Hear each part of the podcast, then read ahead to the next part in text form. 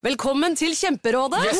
Denne gangen har vi fått inn et kjempedilemma fra en familie. Okay. Jeg leser Hei, vi er litt uenige i familien her. Mm. Hvis du skulle vært et dyr, ville du hatt gjeller eller vinger? Oi, den er tricky. Ja, Hva ville dere hatt, da? Altså, jeg vet ikke, men Med familierabatt får de ubegrenset data fra Telenor fra 399 kroner. Da kan de jo scrolle seg til svaret, rett og slett. Ja, ok, Men for min del Ja. gjeller. Nei, nei, Gjeller. nei, vinger. Nei, nei, gjeller. Ja, okay, ja, Kjempebra. Men eh, se nye mobilabonnement på telenor.no, da. En podkast fra Podplay. Vi er så heldige som får lov å leve i en verden full av rock og metal. Og jeg har invitert diverse ildsjeler innenfor musikk til å komme og bable om rock og metal. Så enkelt er det. Velkommen til Metallista.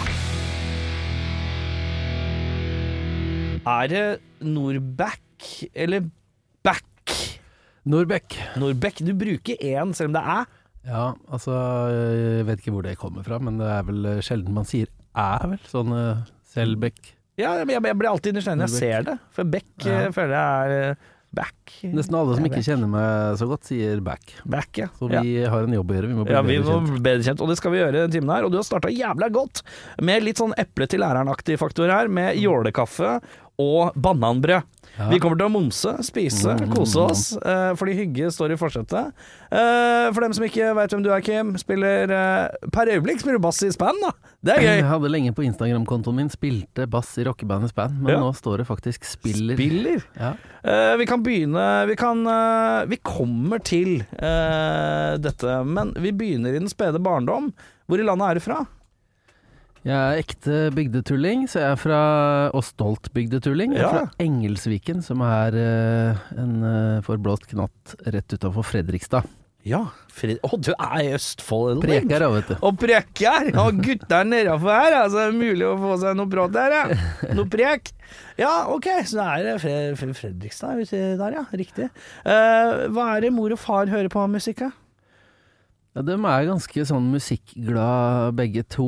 Eh, pappa spilte jo i band, Ja. i mange forskjellige band, så jeg har liksom vokst opp med Hva heter pappa bandet? i band.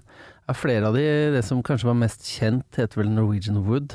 Ja. De ga ut litt skiver og sånn, og så Er vi inne i 60-70-tallsrocken av noe slag, da? Siden det er litt Beatles-referanse av noe slag, eller? ja, Han begynte jo å spille i, på 70-tallet, før han ble sammen med mamma. Jeg ble født i 79, og da spilte jo han i band og reiste. Og den gangen så turnerte de jo ikke sånn som vi turnerer nå. Da var det, da var det liksom 14 dager på det høyfjellshotellet og spille til T-dans klokka ett. Og Ja. spille tre sets på kvelden. Det Men, var var det, liksom men hva, hva slags musikk var det? Ja, på det? jeg er vi best liksom? Nei, det som jeg husker best, er liksom blues, da. Ja, Men, blues, eh, men alt som jeg har hørt dem spilte den gangen som ikke var blues, var litt sånn funky, eh, typisk 70-talls slengbukser, kinnskjegg helt Å, ned ja. til liksom skuldrene, og Ja. alt jeg har sett av bilder og sånn nå, assosierer til liksom litt sånn funk og blues, da. ja. Eh, litt sånn drypp av Motown nå, eller? Sånn type Eh, Litt ja. soul-aktig, eller hva? Ja, kanskje. Altså, jeg skulle gjerne hatt bedre oversikt over Men er det noen opptakere? det? Finnes en del opptak, men alt de liksom tok opptak av som ikke er den uh, fra Norwegian Wood-tida, det er liksom uh, Det er i blueslandskap. Så det er det jeg har sterkest uh, minne av, er at de spilte blues. Så det er liksom bluespappa. Det er bluesfatteren. Ja. Fjellsprenger og, og bluesbassing. Ja, og bassinga nå? Ja, han er bassist, det var derfor jeg blei bassist, for den sto, bassen sto jo liksom Hjemme, lett tilgjengelig. Ja, ja, ja. Og så når jeg begynte å vise interesse for det, så han hadde en eh, kamerat som heter Øyvind Fjell, som er uh, gitarmaker og har drevet skole med det og sånn. Han driver som gitarreparatør og sånn den dag i dag. Han som lagde Har du hørt om Giss-gitaren? Uh, ja, den litt sånn uh, lille sånn Yes. reisegitaraktige greia. Ja, ja, ja. som, uh, som a-ha har brukt en del og, mm. og sånn. Den var det han som lagde da, og patenterte. Og han hadde jo masse instrumenter liggende rundt den gangen, og jeg fikk en sånn shortscale kawaii-bass. Mm. Halvakustisk kawaii, som liksom passa fingrene Gammel japansk sånn bedre. 70-tallsbassaktig. Helt riktig. Og den gjorde det jo lettere å på en måte ja, klimpre på bassen. Så gjorde jeg det når jeg fikk sjanse og ikke, og når vi begynte med musikk på eh, barneskolen og ungdomsskolen, mm. eller det var mer ungdomsskolen egentlig, da hadde den lagt og støva ned ganske lenge, og så blei det jo litt sånn Du, vi har sett en bass hjemme hos deg, skal ikke du spille bass i dette skolebandet? Ja. Så da blei det noe Lionel Richie-låter og noe svette greier en god stund der, som han eh, Roy, musikklæreren vår, eh, krevde at vi spilte. Roy. Ja, musikklærer heter Roy. Ja, og Ja. vi skal spille det som Roy liker, ikke det som vi Ja. liker sjøl. Det er typisk. Så vi hørte jo på Metallica og spilte For Whom the Bell Tolls i, i smug, men eh, Ja. på skolen så måtte de spille uh, Hello, is it me you're looking for? måtte ha litt I can see it in your eyes. Å, fy faen. Eh, forresten, jeg så den der Har du sett den? der dukken på Netflix med den der de, Den kvelden de skulle spille inn We Are, We the, are World. the world. Ja, fytti grisen. Lionel Richie. Ja, ja. Han er helt, ass! Han er helten og tar styringa. Ja, Hvis du ikke har sett denne Netflix-dokumentaren, gå og se den. Ikke sant? We Are The World, ganske døv låt, la oss være ærlige, men fullspekket av uh, stjerner. Og uh, i den dokumentaren så er altså Lionel Richie Det er liksom tre Uh, det, det er Quincy Jones. Han skal liksom orkestrere og få tatt opp ting. Han er liksom produsenten. Men Lionel Richie spiller en sånn spesiell rolle, for han er programleder på awardshow en kveld. Han vinner eh, drøss med priser sjøl. Så eh, er han nødt til å bli en slags sånn derre mellomvann for sånn eh, 30 eh, superstjerner som står på en scene, og eh, noen av de er så socially awkward at det ikke går an, og noen er så overtente. Og til langt på morgenkvisten så må Lionel Richie bare passe på at det er god stemning overalt hele tiden. Og bare holde litt ting i sjakk og være litt sånn høyrehånda til Quincy Jones. Nyfunnet respekt for Lionel Richie. Ja, samme her. Også, nå har ikke jeg sett hele ennå, jeg har bare sett første det. halvdel. Og du må jo se andre halvdel. Du må jo se når Bob Dylan skal prøve å synge delen sin, og er altså det blygeste, rareste, sosialt utilpasse mennesket historien har noen gang dokumentert. Det er jo det er ikke så ofte du har så mange legender og storheter på én plass. Nei, nei, nei, nei på ingen måte. På en så Altså et studio, studio øh, øh, hvor det er veldig ganske Det er for trangt til så mye mennesker, egentlig. Ja, ja, helt oppå hverandre, høye skuldre, Ja. og øh, spente på det de skal levere. men du må se resten. Se resten. Skal Lå, lov det. Ja. Eh, Men vi var eh, Roy. eh, Han ville at dere skulle spille litt sånn som han likte, og du har eh, begynt å plukke på bassen. Eh, eh, Hvorfor eh, Har du noen sånn på den tida Er det noe Hva er det du helst vil spille?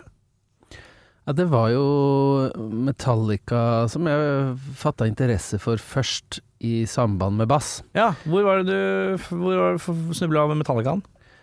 Ja, det er et veldig godt spørsmål. Jeg tror jeg var på hockeycup. Jeg spilte hockey i Stjernen, Ja. så var vi på hop- hockeycup i Gøteborg. Mm. Jeg tror det het, eh, eller om det var Stockholm, Partille Cup. Og så Var var, det noen hockey? av eh, Nei, jeg var midt på treet. Midt på treet. Eh, Så var det Noen av gutta hadde fått tak i Black Album, da. Uh, og spilte det på kveldene etter ja, turnering. Og da var jeg, det fikk fullstendig blodfot med en gang. Jeg kom jo fra sånn Hadde hørt på MC Hammer og Vanilla Ice og litt sånn. Ja. eh, Gikk med for store bukser og prøvde å gjøre noen dansemoves på sjette klasse Ja. avslutningsfest. Til latter for alle, holdt jeg på å si. Eh, kom liksom ut av det og blei Hadde jo liksom ikke vet ikke helt Det var Iron Maiden på en måte som var den første rocken jeg hørte. Ja. Og så øh, Hvor kom det fra, da? Nei, det er enda lenger tilbake, for det var en øh, skive som jeg fant Jeg fant en Number of the Beast-skiva på kassett Ja. etter en fest mamma og pappa hadde hatt. Og Mm. snakka med pappa om hvor øh, den kunne ha stamma fra etter at jeg hadde vært inne hos uh, Torkil og snakka med han Ja, ja.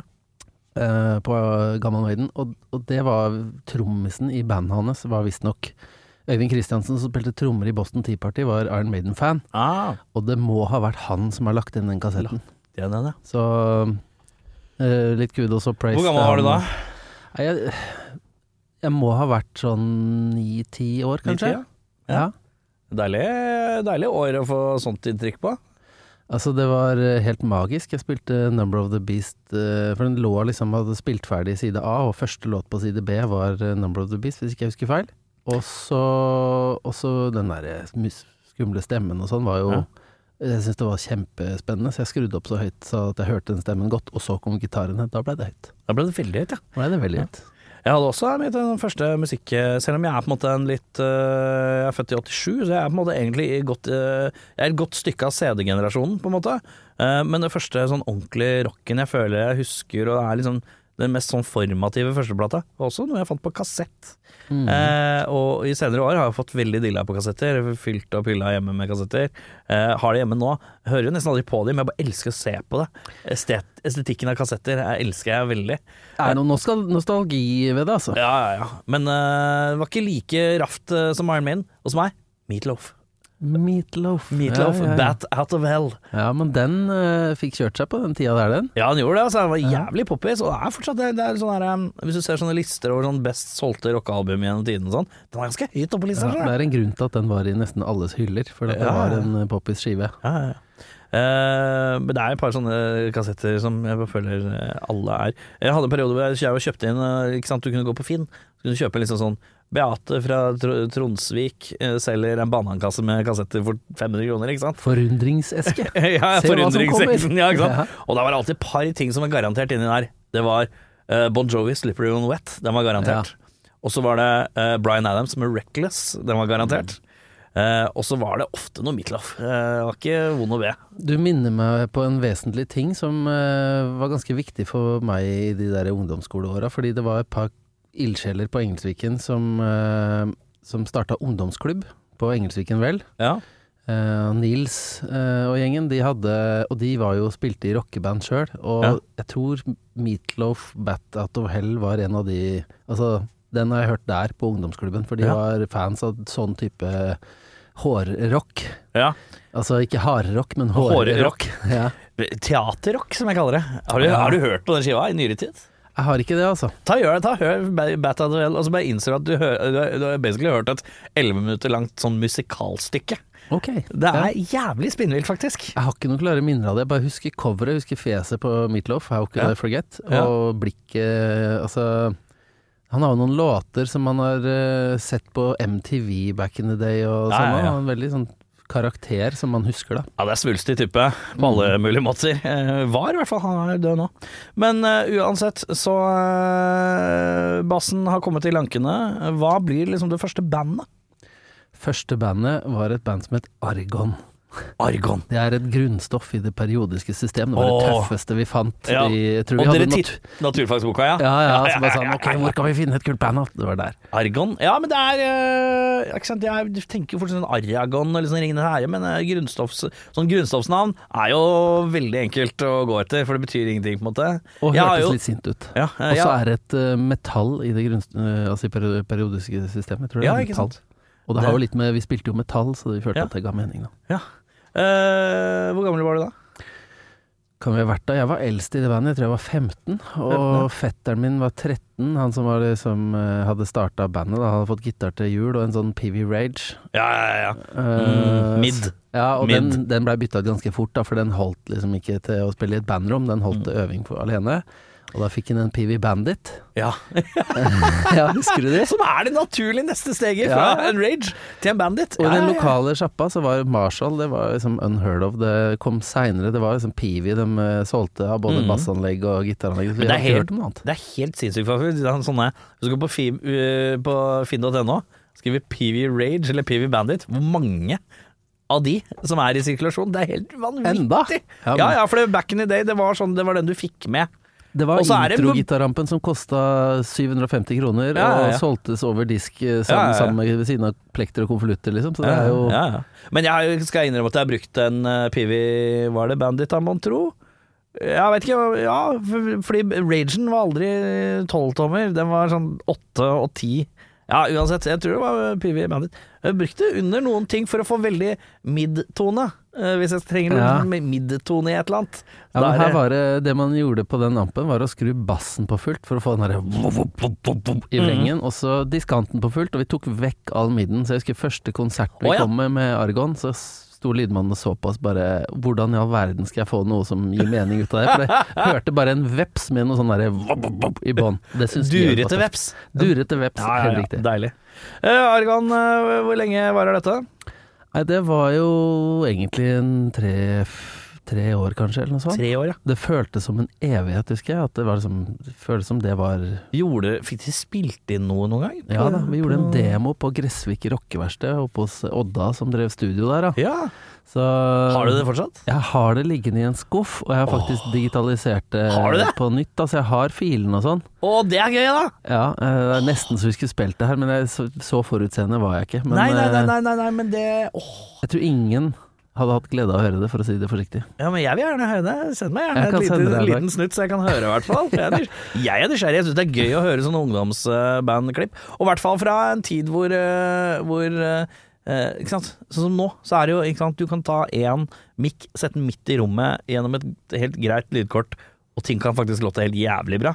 Men Ja. eh, back in the day, den der kassettspilleren du satt i rommet eh, Ja, og men trykka dette var en ordentlig innspilling Det var det, ja. flerspors på, på trommer og med overdubs Oi, oi, oi, og dette sånn. vil jeg høre. Dette ja, vi skal høre. få høre det, men det var Vi hadde jo ikke utvikla noe sånn musikalsk smak ennå, så det sprika jo i alle, Alle retninger. retninger, ja. Det var litt sånn innom noe hardcore der, og litt sånn innom noe metal. Vi hadde jo masse eh, ganske bredt referansegrunnlag, for de to som satt og øvde gitar, de øvde jo på Yngvi Malmsten Og ja, runke, runkegutter? Eh, Gitarrunkeri. Ja, ja, ja. Eh, og lærte ble jo ganske teknisk flinke og sånn, ikke sant. Og så skulle jo de flashe det overalt inn i musikken og tidvis, da. Så det blei jo Jeg skjønner godt at ikke vi fikk noe deal på de demoene vi sendte rundt, for å si det sånn. Eh, Det gir seg. Hva går vei, hvor går veien videre?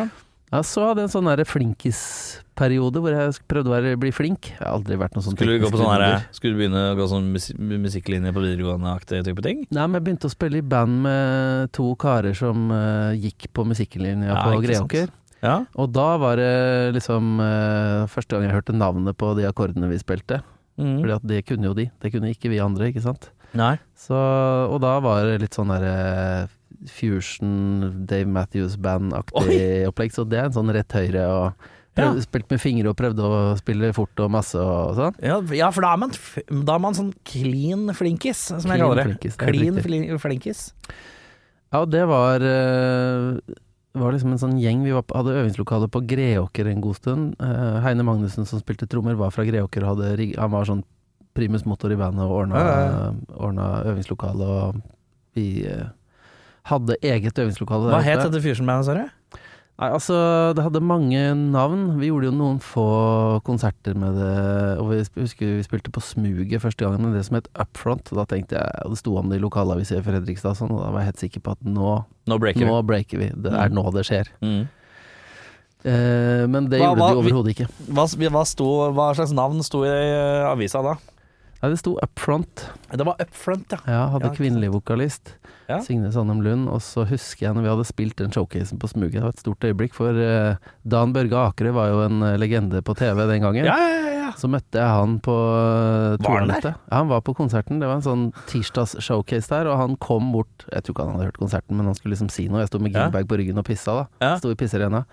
Og så ser jeg han er jo Må være lov å Nå føler jeg utleverer han litt, og jeg kjenner han jo ikke engang, men han, Altså, det er lov å si at en person har vært drita, for alle har vært drita. De Ja. fleste, i hvert fall. og han må liksom stå for det sjøl. Ja. Han sto med en sånn sigar i Ja, munnviken, og så sa han til oss Eller sa han til meg, da, at eh, «Å, dere kommer til å nå langt. Og så ja. mista han, idet han snakka, så mista han den Sigaren? der sigaren ned i pisserenna hvor han sto og pissa. Og så tok han den opp igjen, tok den i munnen. Og sippa videre på den, så sa han sa lykke til videre. Men det rant sånn Nei, piss og vann fra den derre Den var selvfølgelig ikke fyr på, men han, han putta den fra pisserenna rett i munnen. Og jeg, I'll never forget it. Det brekker han seg ikke av. Men når han skal til Zimbabwe eller hva for noe, og så smaker på sånn rar grøtgreie, da skal han brekke seg. Det er jo klipp av det et eller annet sted. Ja, det det, det? har man sett. Det, Det sirkulerer sett. på YouTube. Ja, ja, ja. Men pisserena-klippet, det skulle jeg heller sett, faktisk. Heldigvis så finnes det ikke på kamera for han. Eh, men det blir ikke den store fusion band-revolusjonen som du trodde det skulle bli. Nei, eh, også åra etterpå så brukte jeg veldig tid sammen med, mye tid sammen med sønnen til han Øyvind Fjell, som jeg nevnte her i stad, Ja. som spilte i band med pappa og sånn. Han eh, Henning Fjell, han er en veldig god kompis av meg en dag i dag. Ja. Eh, vi brukte helt sjukt masse tid som eh, Han hadde studio og sånn, første jeg kjente som hadde studio, og Ja. der hadde han fullt oppmikka trommesett. Så vi stelte oss med headset og spilte sykt mye drum and bass. Ja. Eh, altså drum and bass i form av at dere bare spiller duo, eller at dere faktisk eh, Litt begge deler, for jeg kom sniker dere inn i en bri litt sånn britiske, rare Nei da. elektro-tekno-greia? På den tida der så var jeg helt frelst på D-Sound. D-sound. Ja, Spice of Life-skiva Å, til fy faen, D-Sound. hvem var det jeg snakka med her om dagen nå, som var så jævla D-sound-fan. Steike, var det Nei, det var, det ikke- vi snakka om D-sound når du og Fridtjof tror Gjorde ikke det? Nei. Faen, jeg snakka med en annen her om dagen som var D-sound-fan.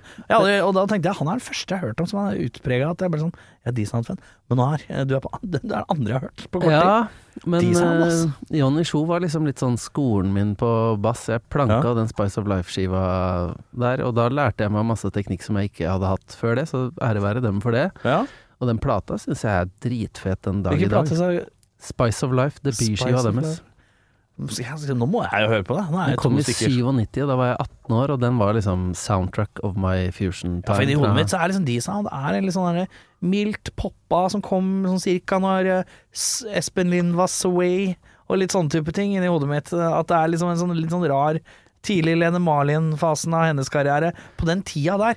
Litt sånn uh, 1996-98-aktig. Ja, jeg tror Spice of Life kom i sånn 96-97-draget. Ja, ja, ja. Og um, det som var uh, Jonny og Kim, som spiller uh, henholdsvis bass og trommer i D-Sound den Mhm. dag i dag, de, de eh, spilte jo på så mye fete utgivelser på den tida. De spilte på Khmer-skiva til eh, eh, Nils Petter Molvær. Spilte med Jan Bang, spilte med Anne Grete Preus, millimeterskive er deres komp. Og jeg, altså, Litt sånn studio eh, Mye studioarbeid, da. Altså, de to de kom jo fra Berkeley College of Music og Ah. hadde spilt sammen der, og dro hjem hit og runda musikkmiljøet i Oslo Mm. på den tida, da. Spilte med alt og alle, og var helt sjukt bra. De er jo helt sjukt bra den dag i dag, og så Ja. det er sånn Jeg har vært blodfan alltid. Ja. Så eh, jeg starta med rock, hadde masse fusion en eh, lang periode, og så blei det litt sånn rock igjen tilbake til røttene etterpå. Så har jeg vel eh, hatt en fot i begge leire ever since. Ja, for jeg har sett noen bilder at du eh, har spilt med noe som ser fryktelig pappa ut, og i litt, litt fasjonable, fargerike klær, som jeg for så vidt er glad i. Det. Men hva er det, hva er det jeg har skuet av? Nei, altså Jeg har jo gjort en del sånn frilansbassing. Ja. Både litt før span, det var jo litt der det starta for meg. Første betalte oppdraget mitt eh, på bass var med Hanne Sørvåg på studentcruise. Mm. Uh, og det var faktisk ikke live heller. Og jeg jeg var sånn forelska i Hanne Sørvåg. Jeg syntes hun var så fryktelig pen. Ja, hun hadde, ga ut en skive under navnet Paris, som hun holdt på med da. Og da uh, gjorde jeg noen jobber med henne, og jeg tror de aller fleste jobbene var sånn Det, det er faktisk litt humor, for det var sånn playback eh, slash singback-jobber. Ja, ja, ja. Og så spilte jeg singback med Wenche Knutson på uh, VG-lista Topp 20 hos Nicolas Carli. Mm. Og da var uh, Børge Nei, hva heter den for noe? Han, hallo.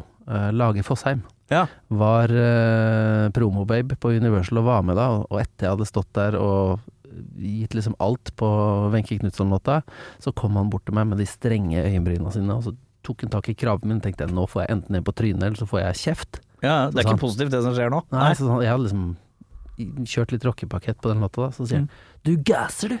Du gasser du! Vi kommer til å jobbe mer sammen, sa han. Oh ja, men det var egentlig et kjempekompliment. Ja. Men uh, på det tidspunktet så var det fremdeles ingen som hadde hørt meg spille. Nei, Så- fordi det er alt der Ja, ikke sant. Ja. Og det neste oppdraget jeg fikk, var å mime på en musikkvideo med Kurt Nilsen. Men hvor Og det var All You Have To Offer, som vi var i Larvik i et steinbrudd og, og Ja. spilte inn. Så var det var hans andre Men kjennes det ikke litt sånn rart ut? Jo jo, for det eneste jeg hadde gjort fram til da, Kom var prøve å og prøve å lat som du spiller bass, på en måte? Eller Ja. bare mi- meme-bass? Det Ja, er rart. noen syns at jeg så fet ut når jeg mima bass, og da fikk jeg en del mimeoppdrag. Jævla god på mime-bass. Mime-bass.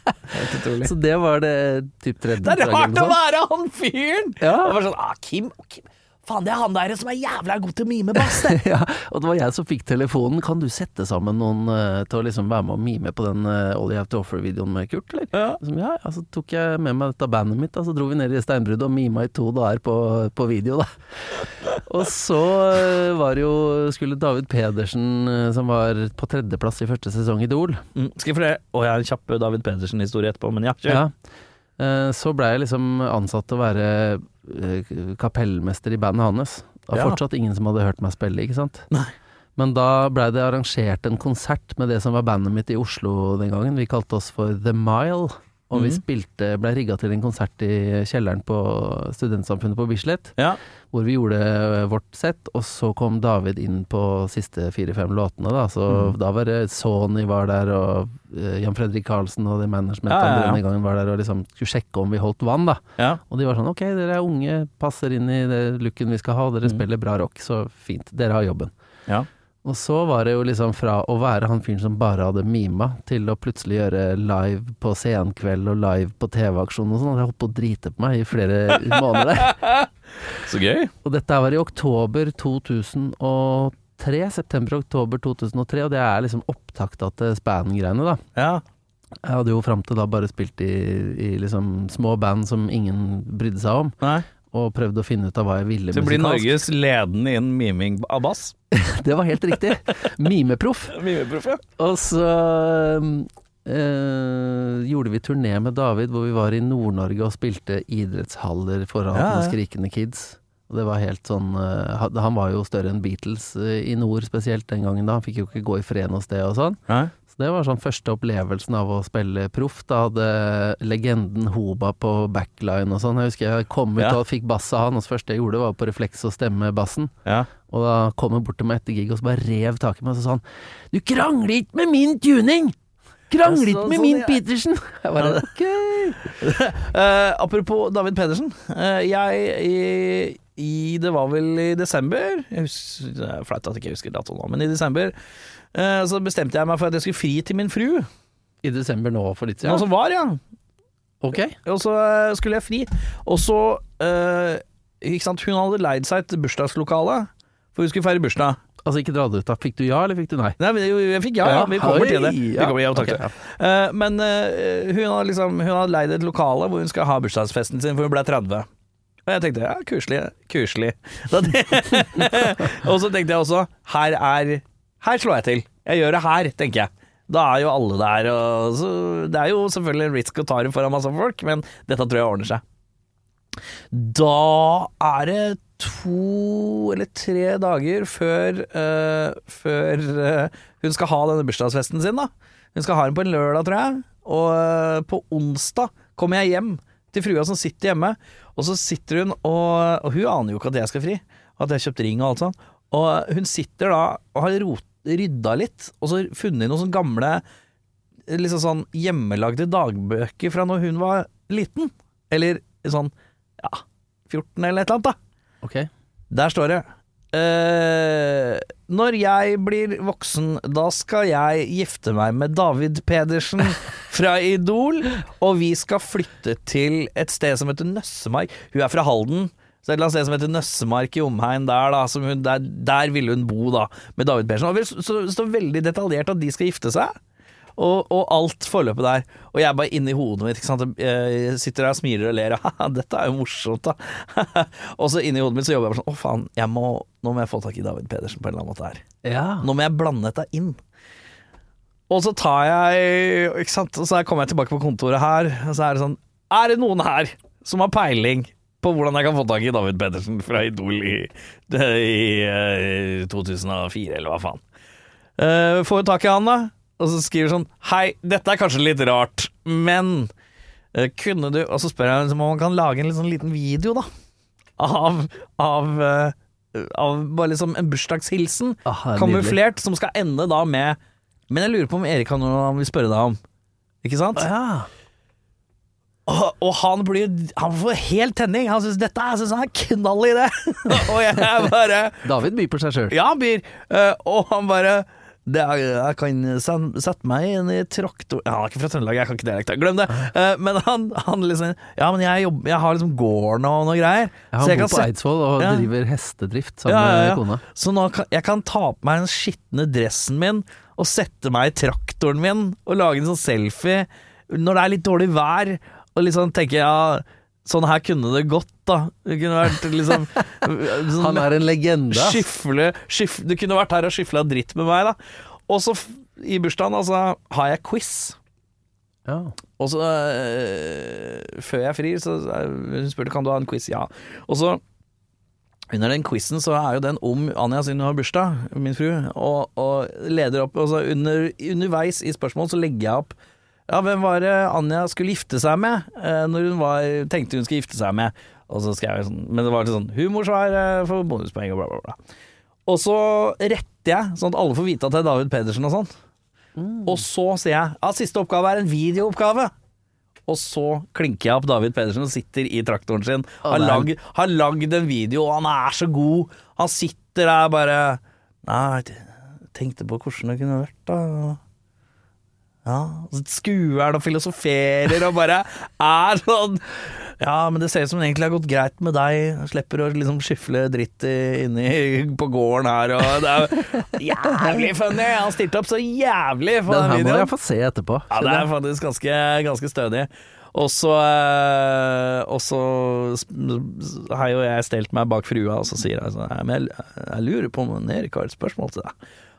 Og så fri jeg, og så ordna jeg seg sånn sett, da. Men det er bare Fy faen, det er alt klaffa. Men det der å prøve å bare Å faen, nå må jeg få tak i David Pedersen. Og så forklare han at kjæresten min tenkte han skulle, hun skulle gifte seg med deg når hun var Ja, det var en greie. Men nå skal jeg fri, liksom. Ja, men altså, fy faen, stilte opp så jævlig. David Pedersen, helt. Ja, han han og Lionel Richie er nå eh, episodens store helter. Eh, Ja. Og mimekongen, selvfølgelig. Ja, må ikke glemme Mimekongen. mimekongen. Nei, men eh, David er jo Jeg ser jo ikke han så ofte lenger, dessverre, men vi er fortsatt gode kompiser. Ja. Og jeg var forlover i bryllupet hans og sånn, så vi Ja, Han ja, han, hvis han får sjansen, så begynn på seg sjøl. Ja, det var veldig hyggelig. Uh, men tilbake til deg. Uh, og uh, vi er Vi har da vært innom eh, Bislett, eh, og noe showcasing der. Det blir noe spilling ut i Nord-Norge. Det eh, Da er jo David Pedersen så jævlig populær. Idol var jo 14 ganger så populært eh, som eh, ting er nå, på en måte. Det var så jævlig svært, det da. Altså, det var helt hysteri. Altså, en av de eh, TV Det ble jo en del TV-opptredener i løpet av den høsten, eh, og en av de var noe som het Tommys Popshow, med mm. Tommy Steine, som var et quizshow. Så det passa bra å plukke opp quiz-tråden, egentlig. Ja. Og det var uh, ganske populært. Uh, og da husker jeg når uh, Cecilie Torp Holte, som den gang jobba i Sony BMG, ringte og spurte om vi kunne samle bandet til å være med på denne jobben, så spurte jeg som jeg pleier å spørre, jeg pleide å spørre, er det live eller er det singback? Det var live uh, on tape, men det er singback, da. Ok, Ja. samle bandet, og kult, vi stiller. Forklar lytteren er- hva live on tape, men singback betyr. Gjerne Nei, meg òg, altså, faktisk. ja, ok. Ja, det er jo noen varianter her. Live live er jo liksom da spiller du live Ja. eh, når det går på lufta. Ja. Og så har du live on tape, som er da spiller du live, men det sendes seinere. Ja, Og så har du live on tape, men det er singback. Da mimer du mens alle mikkene er åpne, men på instrumentene så, så bare mimer du. ja okay, greit. Ja. Så synginga er live, men det sendes seinere. Fy faen, det er noe greier. Ja, skjønner. Ja, så fikk klarhet i det, men så sier eh, Cecilie at eh, Men det er en ting til. Dette er jo et quizshow, og David trenger en quizpartner. Oh, ja. Eh, jeg tenkte at det var deg. Og jeg bare ok.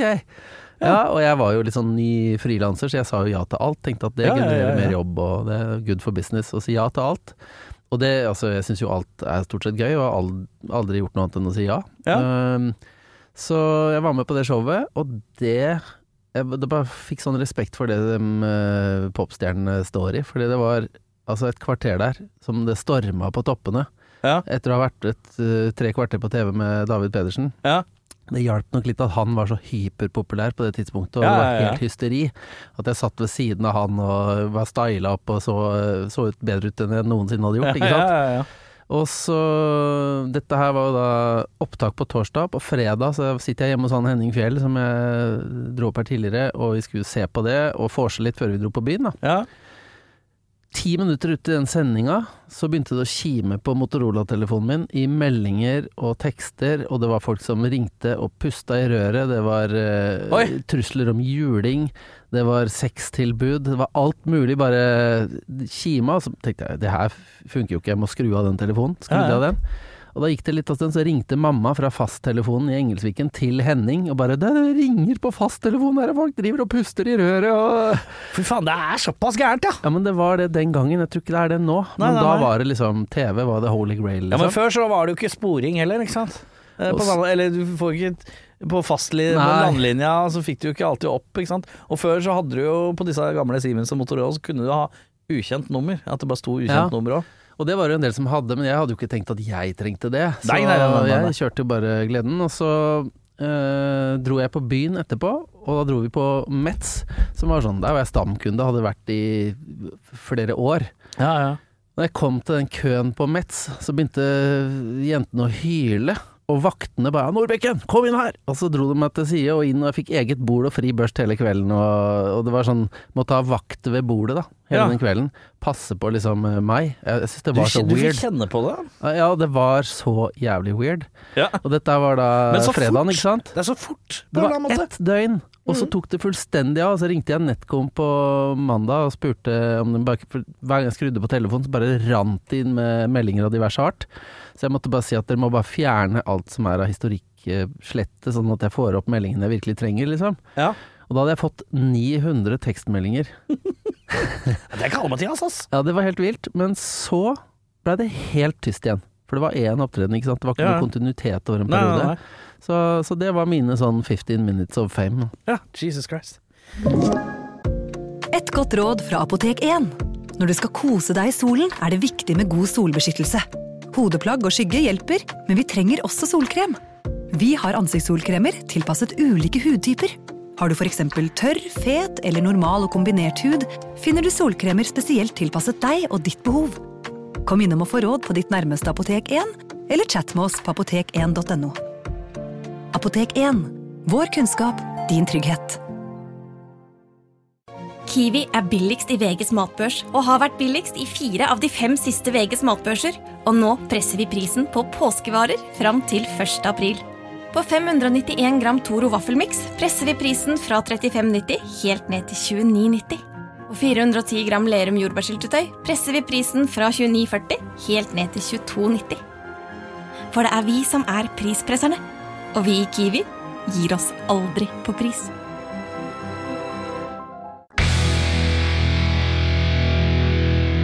Eh, og etter dine 15 minutes of eh, fame, hva skjer så?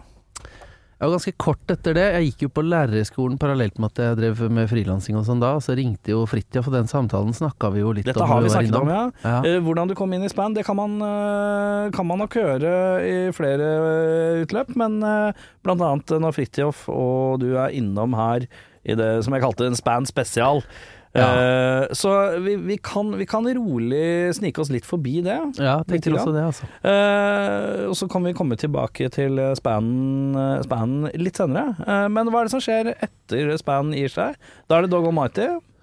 Ja, vi, Jarle hadde jo slutta i bandet, og vi hadde jo ingen intensjoner om å slutte å, å spille. Nei. Så i løpet av siste turneen så hadde vi jo tatt noen sånne økonomiske valg som skulle gi oss muligheten til å satse litt videre etterpå. Ja. Vi hadde jo fram til da reist med britisk crew og betalt for at de fløy tur-retur og hatt hotell når de var i, i eh, Norge og sånn. Mm. Så vi bare ok, vi, vi må ansette noen som kan jobbe fra Norge, og vi slipper å betale for når de har fridager i Norge og sånn. Ja, ja. Eh, og så kan jeg være turnéleder, eh, Mhm. istedenfor at vi har med en britisk turnéleder. Ja. Eh, sparer vi de penga, så lærer jeg meg noe nytt, og så er vi færre på tur, mindre på, i kostnader til hotell og alt sånt. Ja. Så ble jeg spillende turnéleder, og så la vi opp en liten eh, batch med kroner som vi uh, levde av når vi prøvde å lage nytt band, da, det ble Dog Almighty. Etter en, en gjeng med vokalister hadde vært innom og gjort prøvespilling med oss. Som egentlig var, uh, kall det svette auditions for ny vokalist i span. ja. Men vi skjønte ganske fort at uh, det kommer ikke til å fly. Eh, vokalistene passer ikke inn, og det er altfor store sko å fylle, for Jarle er jo helt fantastisk til å synge. Det er jo én ting, det var mange andre. nå driver Kim Dahl i bakgrunnen her og er så jævlig nysgjerrig på hvem som var på besøk. Det var så gøy. Hun gikk og luska bare hvem er det som sitter der. Ja, uansett. Nei, så eh, de, de prøvespillingene gikk ikke helt som planlagt, men vi fant en kar som het Sindre Mehl, som var skilte seg ut fra alle andre i både look og i hvordan han sang og spilte og sånn. Han dukka opp på prøvespilling eh, uten instrument. Men han kom med ryggsekk og topplue og jetski som sto opp av eh, sekken bak da når han kom. Ja. Og så hadde han dreads og langt skjegg med sånn flette på haka, og han så skikkelig sånn uh... Jeg vet veldig godt hvem dette er. Dette er jo eh, storebroren til en av mine beste kompiser. Ja. Uh, Så uh, han er en karakter. Ja, og veldig var det karakter. da. Og han bodde på Kongssetra i vaktmesterboligen sammen med kjæresten sin da, og drev med sånn uh, switchboard for kontakttelefoner og sextelefoner og sånn. Det var det han liksom levde av. Han har gjort sånn- mye rart, han. han ja, men det, rart. det er litt funny, fordi vi gjorde de prøvespillingene, og så han bare sto ut som noe helt annet. Han fikk, tok tak i en gitar, og så spilte han ting som jeg aldri har hørt noen spille på gitar før. Ja. Han hadde helt eget tonespråk, han hadde helt uh, Han Mm. tilførte noe som var helt uh, ulikt alt det andre, og som ga bandet en sånn instant identitet. Ja, og det er, det er jo viktig, på en måte. Uh, og den, den X-faktoren som folk har, som kan tidvis nesten være litt sånn ubeskrivelig. Ja, Som den bare er- er et eller annet. Det bare er Her er et eller annet, da. Det Ja. er fascinerende. Ja, og, og, og da blei det liksom et band med en gang, og vi bare Mm. Dette her må vi teste ut. Så fant vi ut at vi skulle ha nytt navn på det, og vi lagde en skive. Eh, og, og den skiva, den syns jeg er det beste vi har lagd noensinne. Mm. Uh, Den er, band. Ligger den ute på Spotify og sånn, eller? Den gjør det. Jeg tror den har eh, 145 månedlige lyttere, så det er jo ingen Den nådde ikke ut så veldig bredt. Mm. Men for de som bryr seg, sjekk gjerne ut den Dog Almighty-skiva. Det var Ja. et sånn skikkelig do it yourself-prosjekt, hvor vi, vi spilte det jo inn og produserte det sjøl. Uh, miksa det ikke sjøl, det var en som het Fraser Smith i England som gjorde det. Men, Mm. Men eh, Og coveret lagde vi sjøl i papp. Hadde sånn fan-workshop på Musikkflekken i Sandvika hvor vi satt og klipte papp og limte på cover og sånn. Lagde Ja, ja. et par tusen skiver som vi solgte da. Ja. Ehm, så dro vi på en turné. Uh, vi hadde vel sånn typ 20 gigger, og det var booka noen festivaler og sånn òg, Så det var sånn, ikke sånn aller altfor gæren start. Vi fikk dobbeltside i VG og flere medier og sånn basert på at vi kom ut av Span, da. Ja, ja. Men vi, det var mye smalere musikk enn det Span var. Mm. Eh, hardere og smalere, og fikk ikke den kommersappellen. Så det var jo Den turneen gikk for halvfulle hus overalt. Mm. Men eh, kjøleskapene var fulle av børst, så Mm. det blei litt for mye festing. Og det gikk litt for hardt utover eh, produktet som ble levert. ja. Og det endte med at liksom bandet gikk opp i liminga på første turné. Da. Så vi var akkurat ferdig med turneen, så måtte jeg ringe bookingagenten vår, Erik Uppstrøm, og så si at eh, takk for en heidundrende turné, men de festivalene til sommeren, de tror jeg vi bare må drite i. For nå Vi har gått opp i liminga. Ja. Og det er jo surt, da, å kjenne Hvor tungt var det i forhold til å føle at nå har ett band som har bygga seg opp, falt fra, og så er det enda et band som man føler kanskje har en positiv start, men det faller fra. Hvordan kjennes det ut? Det ga, det, altså, Blir du litt lei av band da? Ja. Tenker du litt sånn fy faen, bandgreiene bli Nå er jeg drittlei. Ja, og så var jeg litt lei av å være prisgitt han frontfiguren, for det hjalp ikke hvor mye Fredrik på trommer eller jeg på bass eller Fridtjof på gitar ville dette her. Nei. Hvis vi har en vokalist som slutter, så er vi liksom, da mister vi dagjobben uansett. Ja. Har vi en uh, vokalist som uh, drar for mye på fest og ikke får levert uh, produktet, så går det direkte utover oss. Mm. Så det ble sånn, jeg orker ikke å ny runde og finne ny vokalist og prøve Men hvorfor på kjørte ikke det har jeg alltid lurt litt på. eh, Hvorfor blei Ikke sant, hvis dere var tre Hvis dere følte at dere var litt sånn tre ildsjeler, øh, og det var litt røft øh, med å finne balanse med noen stabile i front, hvordan øh, Hvorfor prøver vi ikke å kjøre powertrioen, da? Har du hørt noen av oss synge, eller? Vet du hva, det har jeg. Eh, Sist, forrige helg faktisk, så har jeg hørt noe koring og noe greier. Ja, altså vokalen Et band trenger jo ikke ha verdens beste vokalist for å være kult. Nei, men vokalen Vi prøvde jo eh, underveis i disse auditionprosessene, og vi skrev jo litt låter og sånn, så hadde vi prøvde som trio å dele litt på vokalen og sånn. og Vi lagde Ja. noen demoer med oss på vokal. Men uh, altså, det hadde jo aldri funka. Den beste vokalisten av oss er jo Fredrik Valderud, som spilte trommer. Han er jo en framifrå vokalist og kunne sunget lead, for så vidt. Ja, ikke sant. Men Men det blir litt anonymt å ha det, å ha det, ha trommisen som frontmann. Altså, man kunne kjørt er en Phil Phil Collins. Collins-variant, Men, men, den er vanskelig å få til! den er veldig vanskelig, er vanskelig å å få få til. til. Og han var ikke så veldig gira på det heller. Nei, ikke sant. Så, men vi hadde jo i løpet av den der andre skiva Når vi skulle gjøre den andre skiva til Span, så fikk, brukte vi jo hele forskuddet på å bygge studio. Ja. Så vi, og lærte oss innspillingsteknikk og sånn sjøl. Vi hadde en som het Bradley Cook over til å hjelpe oss i gang, da. Og som hjalp oss å tracke trommer og bass og sånn. Det er han teknikeren som gjorde Color and the Shape med Foo Fighters, for Ja. eksempel. Så han var jo en skikkelig bra fyr. Kyndig fyr. Så vi lærte masse av han, og, og etter Span og etter Dog Almighty så prøvde vi å drive studio i, i Sandvika ved siden av at vi var frilansmusikere og spilte med forskjellige folk, da. Så Ja. det blei jo sånn VM i Altså- ugunstige arbeidstider og mye reising og ja. innspilling på nattestid og og så var det jo egentlig bare smale rockeband som kom på besøk, så det var ingen skiver som liksom gjorde det noe stort, og da er det Nei. vanskelig å få det studioet til å fly, altså. Ja. Så, Så det var to år med, med trying to make ends meet, og Ja. veldig masse gøy. Blei veldig mye bra musikk av det, syns jeg. mm. Men uh, veldig lite penger. Ja, fort gjort òg. Det er jo nåløyer her. Uh, men uh, etter dette her, er det Sklir vi litt inn i litt sånn session, live-bassist, uh, frilansrollen imellom Ja, for rett etter Span, når vi begynte å skulle ha nytt band og prøve å få det her opp å stå, så måtte vi jo lage oss flere inntektskilder for å la den der pengesekken vi hadde spart opp, vare så lenge som mulig. Ja. Så Fridtjof gjorde frilansjobber, Mm. jeg gjorde frilansjobber, og Fredrik Hva, hva, hadde jo hva, hva er du? eh, som frilanser Nei, men hva, hva, ja, hva er du? Hva, gjør- hva, hva du utenom musikken? nå i dag. Ja. Hva, hva, hva, jeg, jeg kan komme til hva det, Hva driver du med? Det som øh, Jeg har jo blitt bookingagent, så jeg sender Ja, du blitt det. Ja, booker andre artister og sender dem på turné. Ja. Driver et firma som, som gjør det. Så Hvilken firma er det? FKP Scorpio Norge heter det. Å ja! Steike, det jeg jo lest i masse pressemeldinger. Ja, ikke sant? Ja. Ehm, men vi kan godt komme til det, for det er litt seinere. Fordi da jeg var frilanser, så merka jeg ganske fort at uh, vi er 23 timer på Altså 24 timer på veien uh, for hver eneste jobb. Ja. Og så er det én time vi spiller, så er det 23 timer hvor vi tvinner tomler og klør oss i rassen. Ja, ja, ja.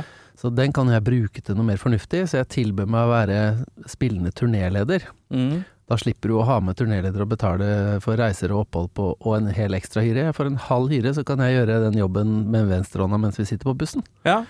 Og det var det flere som syntes var en god idé. Uh, og, og da Jeg syntes det også var en god idé, det var gøyere, og jeg blei bedre kjent med alle arrangørene og sånn. Mm.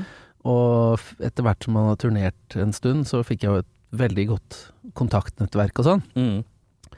Eh, Så når jeg da Og da var det sånn Jeg Vi spilte med Mira Craig, hvis du husker hun. Mm, ja, ja, ja. og spilte med Christian Ingebrigtsen. Mm. Spilte med eh, Jeg gjorde skive med Lene Marlin. Gjorde Du var ski- godt inne i popriket, med andre ord. Var det, og det er, jo, det er jo der det er noe å leve av hvis du skal være frilanser. Gjorde Jorunn Stiansen som vant Idol et år. Eh, ja, masse forskjellig innenfor pop, da. ja. Eh, og da fikk jeg jo både, fordi jeg var kontaktpunkt, så fikk jeg kontakter i platebransjen, og fikk kontakter i livebransjen, og hos arrangørene.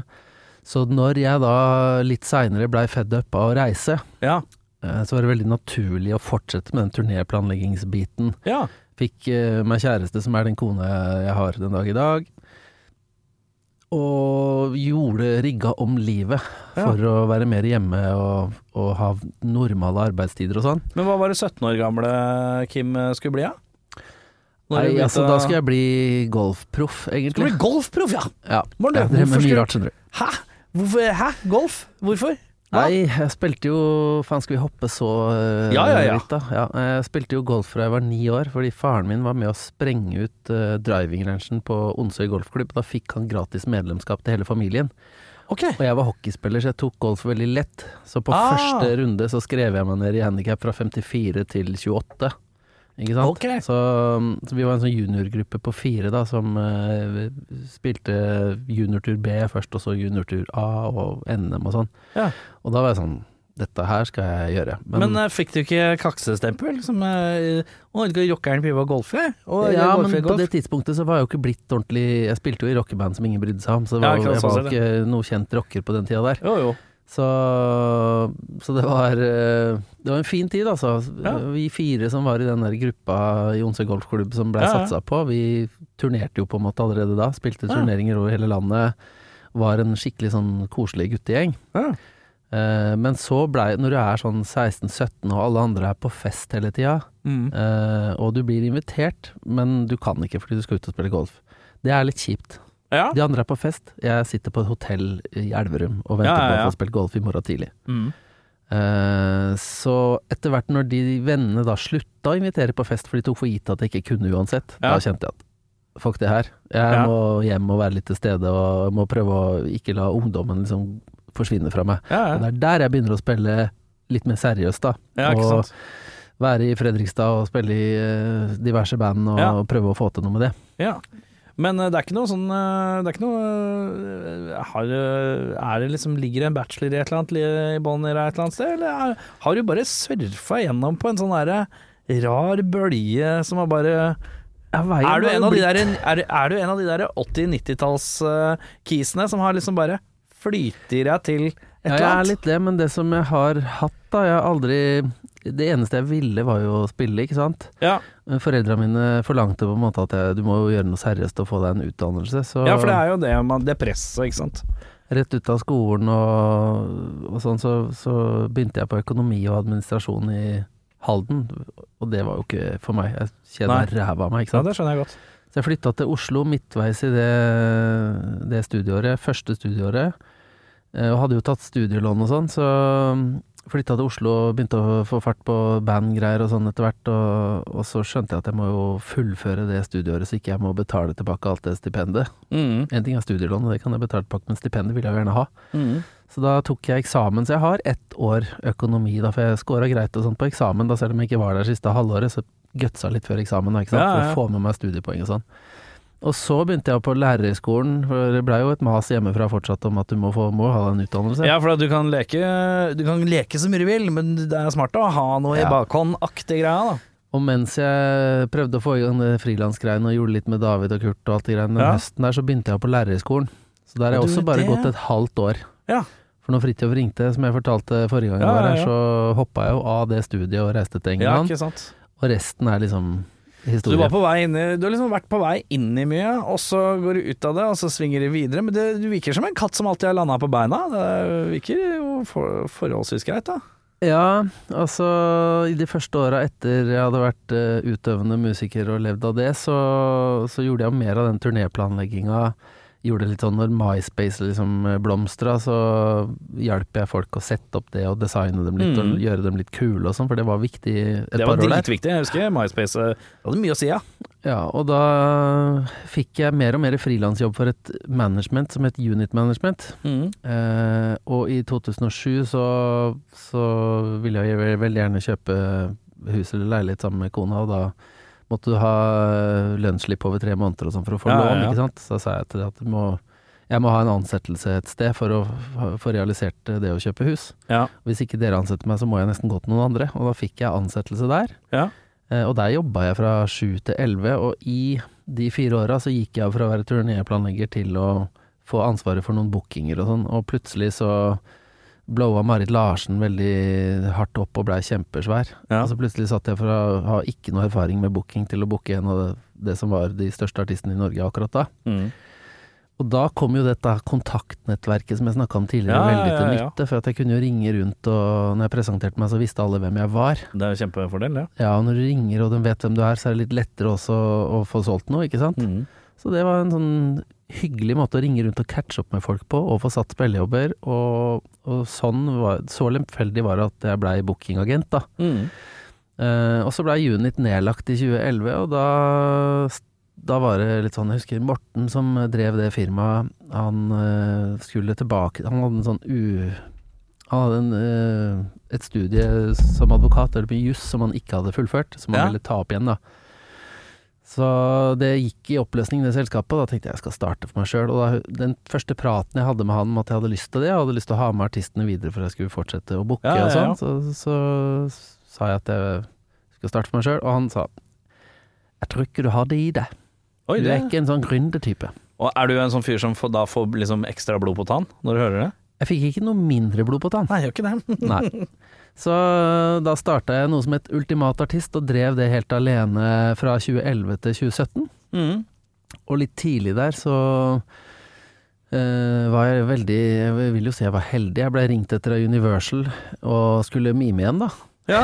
Miminga kom tilbake. Miminga kom tilbake. Ti år etterpå, og Men da skulle jeg mime. du er altså en sånn gammel legende. Når alle snakker om miming på høyt nivå, så er det alltid ditt navn som kommer opp.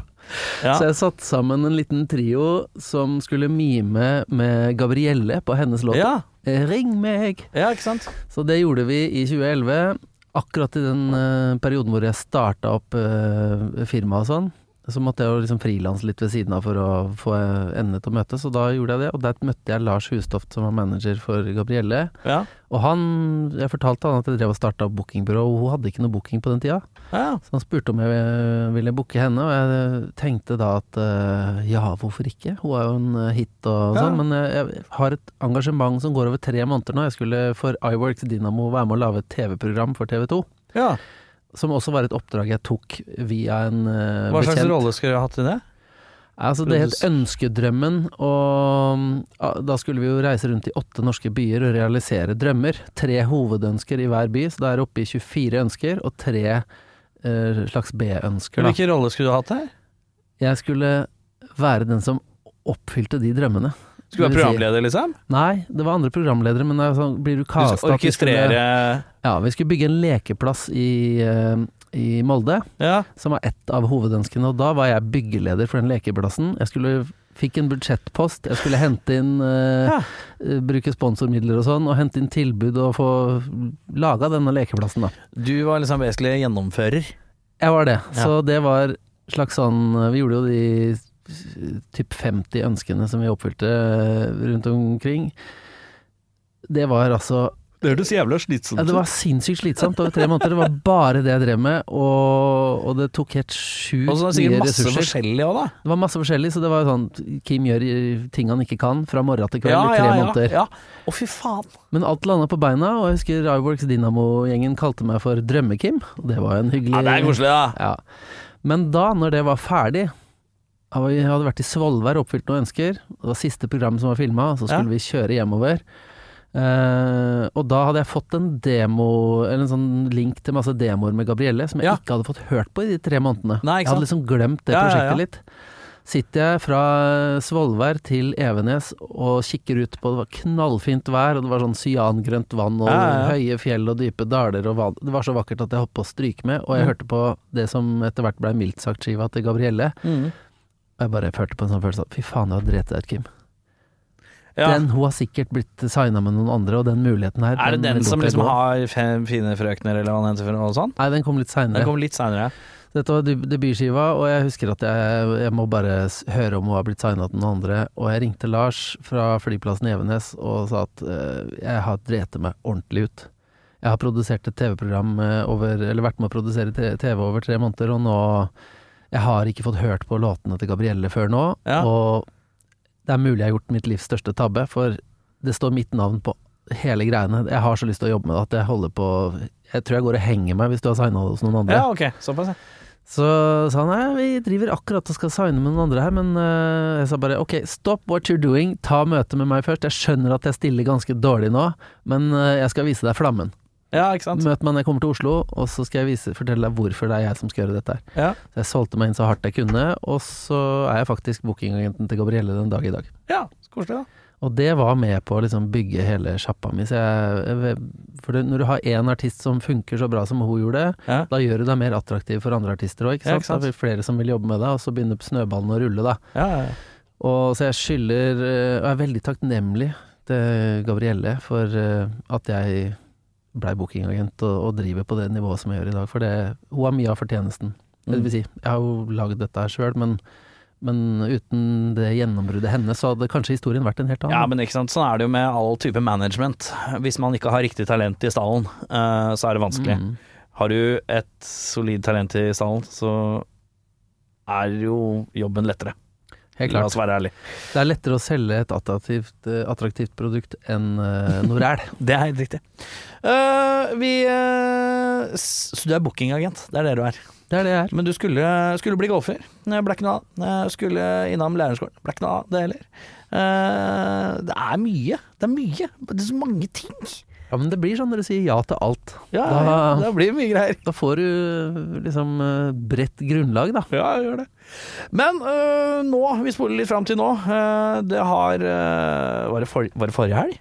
Ja, det for forrige helg. Tida går så jeg klarer ikke å henge med. Uh, Span, dette rockebandet, spilte to konserter uh, i fulltjåket Rockefeller. Ja, ja. Ja. Det var utrolig stas. Ja, det er utrolig stas. Eh, jeg snakka og eh, sett flere steder at det har også blitt beskrevet at hakket mer fornøyd med dag to. Ja, Men er ikke det naturlig, da? Når du ikke har spilt på 18 år, så kan du ikke forvente at det går knirkefritt på dag én. Nei, nei, nei. Men jeg syns det fremstår relativt knirkefritt, altså. Kan det- hende at det er jo underliggende nervøsitet og litt sånne type ting, eh, men det, ikke, det var ikke synlig. Vet du hva, det er jeg veldig glad for. Og eventuelle, og eventuelle tekniske feil merket ikke jeg noe utad, i hvert fall. Altså, det må ha vært noe nervøsitet der. Jeg gjorde en sånn her generaltabbe som uh, Det er så amatørmessig at du vil ikke tro det. ja. Før vi går på, står vi og high fiver og gleder oss som faen. Og Ja. så går vi på og begynner på første låt, som begynner veldig rolig. Ja. Så skal vi alle inn på refrenget, da. Ja. Eh, og så syns jeg det låter veldig rart. Vi har hatt så smørlyd i øra. Hvorfor låter det rart? Mm. Så ser jeg at jeg harker på eh, trådløsmottakeren min. Å ja. Beltpacken står av. Så Ja. jeg bare må og da er det sånn rett før refrenget, og rett før jeg skal begynne å spille, så jeg skrur den på, og så begynner vi å spille, og innser at jeg har det på så høyt at øra blør. Det er så høyt at jeg Ah, holder på å stryke med. Du sprenger øra på første låta, ja. Ja. Så den derre roen jeg liksom hadde av dette her føles naturlig, dette har vi gjort masse før, den Ja. bare gikk rett ut vinduet. Ja. 140 puls og begynte å skjelve på hånda, og, og svetten bare silte inn i hendene, så plekteret bare gikk rundt og rundt mellom fingra. ja. Og, og, og den følelsen satt liksom halve settet, da. Så vi hadde en Men kunne du ikke bare, det er jo på den første låta så er det jo et par sånne litt åpne greier. Kunne ikke bare ding, og så Jo. går vi ned, og så justerer vi litt ned, og så er vi back again. Jeg fikk jo liksom gjort noen justeringer, men Ja. det blei veldig langt fra optimalt føre etter andre låta, for det Ja, to ok. låtene gikk over i hverandre, og det var dårlig lys. Ja. Og så har jeg jo skrudd av lyset på den beltpacken, sånn at ikke det skal synes liksom så ille, den beltpacken. Ja, sånn sett, ja. Så man må liksom ha den opp i lyset, og så se Du må glo litt, ja. Den skulle stå på fire og en halv, ikke på åtte. Nei, ok, skjønner. Så, så det blei en litt sånn Det, det farga min opplevelse veldig, og så Ja. tror jeg alle også hadde litt nervøsitet og sånn. Så, Ja. eh, og pluss at jeg har alltid sagt at én gig, altså det er verdt 10-20 øvinger, ikke sant? Ja, ja, ja. For du er ikke bedre enn det du er i en skarp situasjon. Nei, nei, nei. Så, så dag to så hadde vi liksom 20 nye øvinger under beltet, så vi var bare Ja. helt sjukt masse bedre, og vi var helt enige etter gigen om at dette er den beste konserten vi noensinne har gjort. Ja, så kult. Jeg fikk jo eh, selvfølgelig Dette er jo tekniske ting som man ikke merker utad. Eh, Jeg merka i hvert fall ikke noe til det. Og og du er en bandfyr, og at du ikke merka det, da tenker jeg da var det ikke så gærent Det som var ikke så følte. gærent. Eh, Jeg tenker at det er langt verre ting som kan skje. Kunne du hatt Kunne jeg ha glemt å unmute Kunne kunne hatt tuneren på? Ja, det, det, og det skjer jo, men, men konserten blei litt prega av, av alt det der, og kona mi som var der begge kvelder, hun sa at det var et stor forskjell på på hun som kjenner oss, så at vi ja. slappa mer av dag to. Ja. Vi spilte bedre, og vi var mer utadvendt. For når, når ting går litt gærent, så blir du litt sånn eh, lukka Mm. og innadvendt. Jeg kan jo, jeg kan jo innrømme at jeg, jeg syns jeg kunne se en viss uh, En viss kons. Ja. Det kunne jeg se. Uh, men det følte jeg lø- løsna opp, eller, eller sånn femte-sjette låta. Da følte Ja. jeg at nå begynner gutta å få litt lavere skuldre. Men jeg tenkte at det er naturlig. Ja og det, vi midtveis i Du vil ikke fucke opp vi de første låtene. Nei, vi gjorde en ballade som vi nesten aldri har gjort før. Altså 'Missing in Stereo' midt i settet, og den blei jo litt sånn pustepause for oss, for Ja. publikum. Og den derre Jeg måtte resette huet mitt. Jeg kjente at ok, nå har jeg stått halve dette settet, jeg gleda meg til dette egentlig og venta på det i 18 år, Ja. og jeg står og er forbanna og holder på å drite på meg i sinne og nervøsitet. Sånn. Men det var såpass, ja, jeg skal ikke ha den følelsen her. Jeg Nei. skal kose meg med dette her. Nå må du bare skjerpings, Norbekk. Skjerpings! ja. Og så derfra ut så tror jeg det var, om ikke feilfritt, så var det mye, mye bedre i hvert fall. Ja.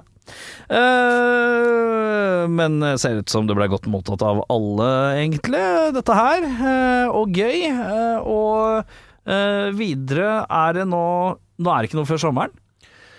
Det er uh, slutten av mai er neste. Vi skal spille Jærnatta på Bryne der. Og Ja. så er det slutten av juni hvor vi skal spille Tons of Rock. Det er, er det liksom den store?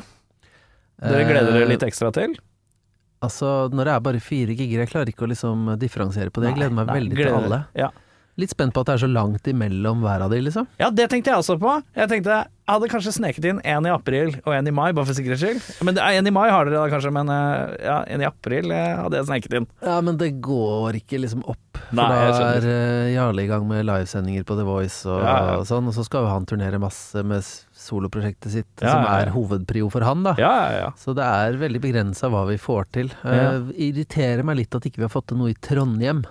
ja. Eh, så jeg driver og prøver å overtale de andre til å ta en gig i Trondheim, uh, og, legge til det på et eller annet tidspunkt, kanskje tidlig høst eller annet sånt, da. Men så langt ikke lykkes med det. Men eh, vi får se. Vi får se. Er det, føler du at det er en skummel eh, er det, er det, er det, er, Føler du at du sitter i en litt eh, skummel situasjon hvor man Hvor man har lyst til å pushe, men ikke pushe for mye? Ikke være sånn at man skremmer vekk noen, eller Ja, for én stemme i meg er sånn Jeg kunne tenkt meg å gjort 100 konserter, jeg. Ja, ja, ikke sant? Hadde jo ikke passa veldig bra inn i livet, sånn Nei, nei, nei.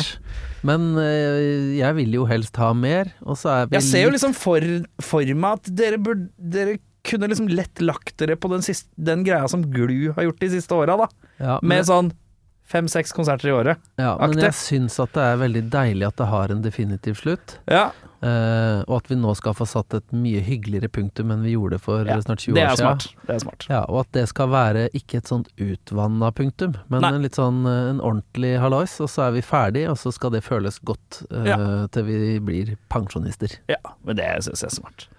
Så, men jeg må jo ærlig innrømme at jeg gleder meg veldig til eh, spesielt Malakoff i Nordfjordeid, for det er jo en rockefestival vi spilte også den gangen, som vi har eh, litt spesielt forhold til. eh, også fordi at han ene jeg driver firmaet sammen med i dag, Ottar Skank Eikum, han var jo med å starte den festivalen. Ja, det er gøy. Ja, og er med å booke den fortsatt en dag i dag, så det er liksom kollegaen min som har booka oss til den. Mm. Eh, og jeg vet at uh, det er jo hele familien hans uh, er med i organisasjonen, og, og det er jo et fantastisk vakkert festivalområde i, sånn, i en park der. Mm. Så, og så er det samme dag som Kaizers. Ja. Og vi bompa jo inn i hverandre veldig mye på turné den gangen, så Ja, det ja, føles skikkelig som en reise tilbake i tid, da. Mm. Eh, jeg husker når eh, du og Fridtjof var jo innom her. eh, Dere annonserte dere skulle komme tilbake, og da huka jeg tak i dere så fort som overhodet mulig, og fikk dere inn her. Og da husker jeg vi snakka etter sendinga, så sa jeg sånn Ja, men dere må prøve å få til noe på Tons, da. Ja. Og dere bare Ja, nei, vi får se. Dere visste så jævlig, dere! Dere visste så jævlig! Jeg bare synes det Nei, var vet du hva, vi gjorde ikke det. Gjorde ikke det? Nei, fordi For jeg satt og For det var ikke lenge etter at Tonsen ble annonsert. Nei, altså vi annonserte dette her rundt 1. november, og så var vi hos deg rett etterpå. Altså vi var Ja. hos deg, hva kan det ha vært da? 3.-4. november eller noe Ja, sånt? ja, det var bare noen dager etterpå. Ja, og så solgte jo det ut noe sinnssykt fort. Jeg tror egentlig Tons hadde sagt nei før det, skjønner du. Å ja, de hadde det? Ja, ja, Mm. nei, de gjør to på Rockefeller, og da er liksom Da er markedet tomt, og vi kan ikke gjøre Å, ja, det. sånn, ja. Men så tror jeg det skifta litt lyd i pipa når det solgte ut på ett og et halvt minutt. Mm. Så var det sånn, ok, det, kanskje ikke det er helt tomt allikevel, og Nei. kanskje det er at vi gjør oss sjøl mer relevante hvis vi, hvis vi har et uh, norsk band uh, som har det trøkket i pipa Mm. som vi hadde der, da. Vet dere hvilken scene det blir? eller? Eh, ja, vi hadde jo først muligheten til å spille den der Scream-stagen som er vel scene to. Ja. Men uh, som Jarle sa, skal vi da være tidlig på scene to i potensielt regnvær i juni og ha det som siste konserten vi gjør i Oslo? Det syns jeg var et veldig godt poeng. Ja. Nei, jeg får ikke noe payoff for lysproduksjon og sånn, uansett om det er fint ja. eller dårlig vær. Men inni teltet så blir det jo litt mørkere, der får vi brukt produksjonen, vi kan legge litt i lys. Det var jo det jeg sa! Ja. Satt og snakka, ja, jeg sa det helt sånn! de- Kom dere inn i teltet! Kom Ja, dere inn i så det blir en mer intim opplevelse. Mye mer. Ja, så selv om jeg var på Sepultura der i fjor, og syns at jeg fikk sånn midt på tre-opplevelse av det teltet. Jeg har også fått en, et par midt på tre-opplevelser der, eh, i henhold til både lyd og annet, men samtidig tenker jeg det er eh, Jarle gjør klokt i å tenke at Norge værguder og lignende. Ja, og Eh, heller litt hvis- seint på programmet i teltet enn drittidlig på en av de svære utestedene på halvfull slette, liksom. Ja, ja. Nei, men så gøy. Eh, det er jo selvfølgelig bare å følge med på alle sosiale mediene til Span. eh, og eh, der får man all info man trenger om hva som skjer videre. Ja. Eh, utenom det, er det noe jeg har glemt å spørre om? Er det noe som er viktig? Skal vi plugge noe annet? Er det noe som skal plugges? Nei, jeg føler vi har hoppa fint gjennom hele historien her, ja. Så Ja, det er sikkert det? masse vi har glemt, og vi kunne sitte her Altså, jeg er så glad i egen stemme at jeg går til strømmen går, ja, det er deilig, det. men, uh, men jeg tror vi har dekka nok. Tror jeg ja. dekka det meste, ass. Hvis vi pre preiker mer nå, så blir folk drittlei. Ja, det tror jeg òg. takk for jålekaffe. Uh, Bananbrød, ikke helt min kopp te. Nei, Jeg må men det er lov. Eh, men jeg setter veldig pris på at du tok med. Det er kjærlighet og omtanke i at jeg tok det med. Da. Og det syns jeg er helt nydelig. Jeg gleder meg til å se dere på Tons. Eh, det blir spennende. Jeg håper, vi òg, altså. jeg, jeg håper det regner noe jævlig, sånn at det teltet er stappa. Tror du ikke det kommer til å ønske å være skikkelig cocky. Tror du ikke det teltet er stappa uansett, da? Jo, det kan godt hende. Men, ja, det. altså. men, men, men det er håp, tanker. Men hvis det regner, så er det garanti. Ja, ja. Og en garanti er deilig. Det er jo det.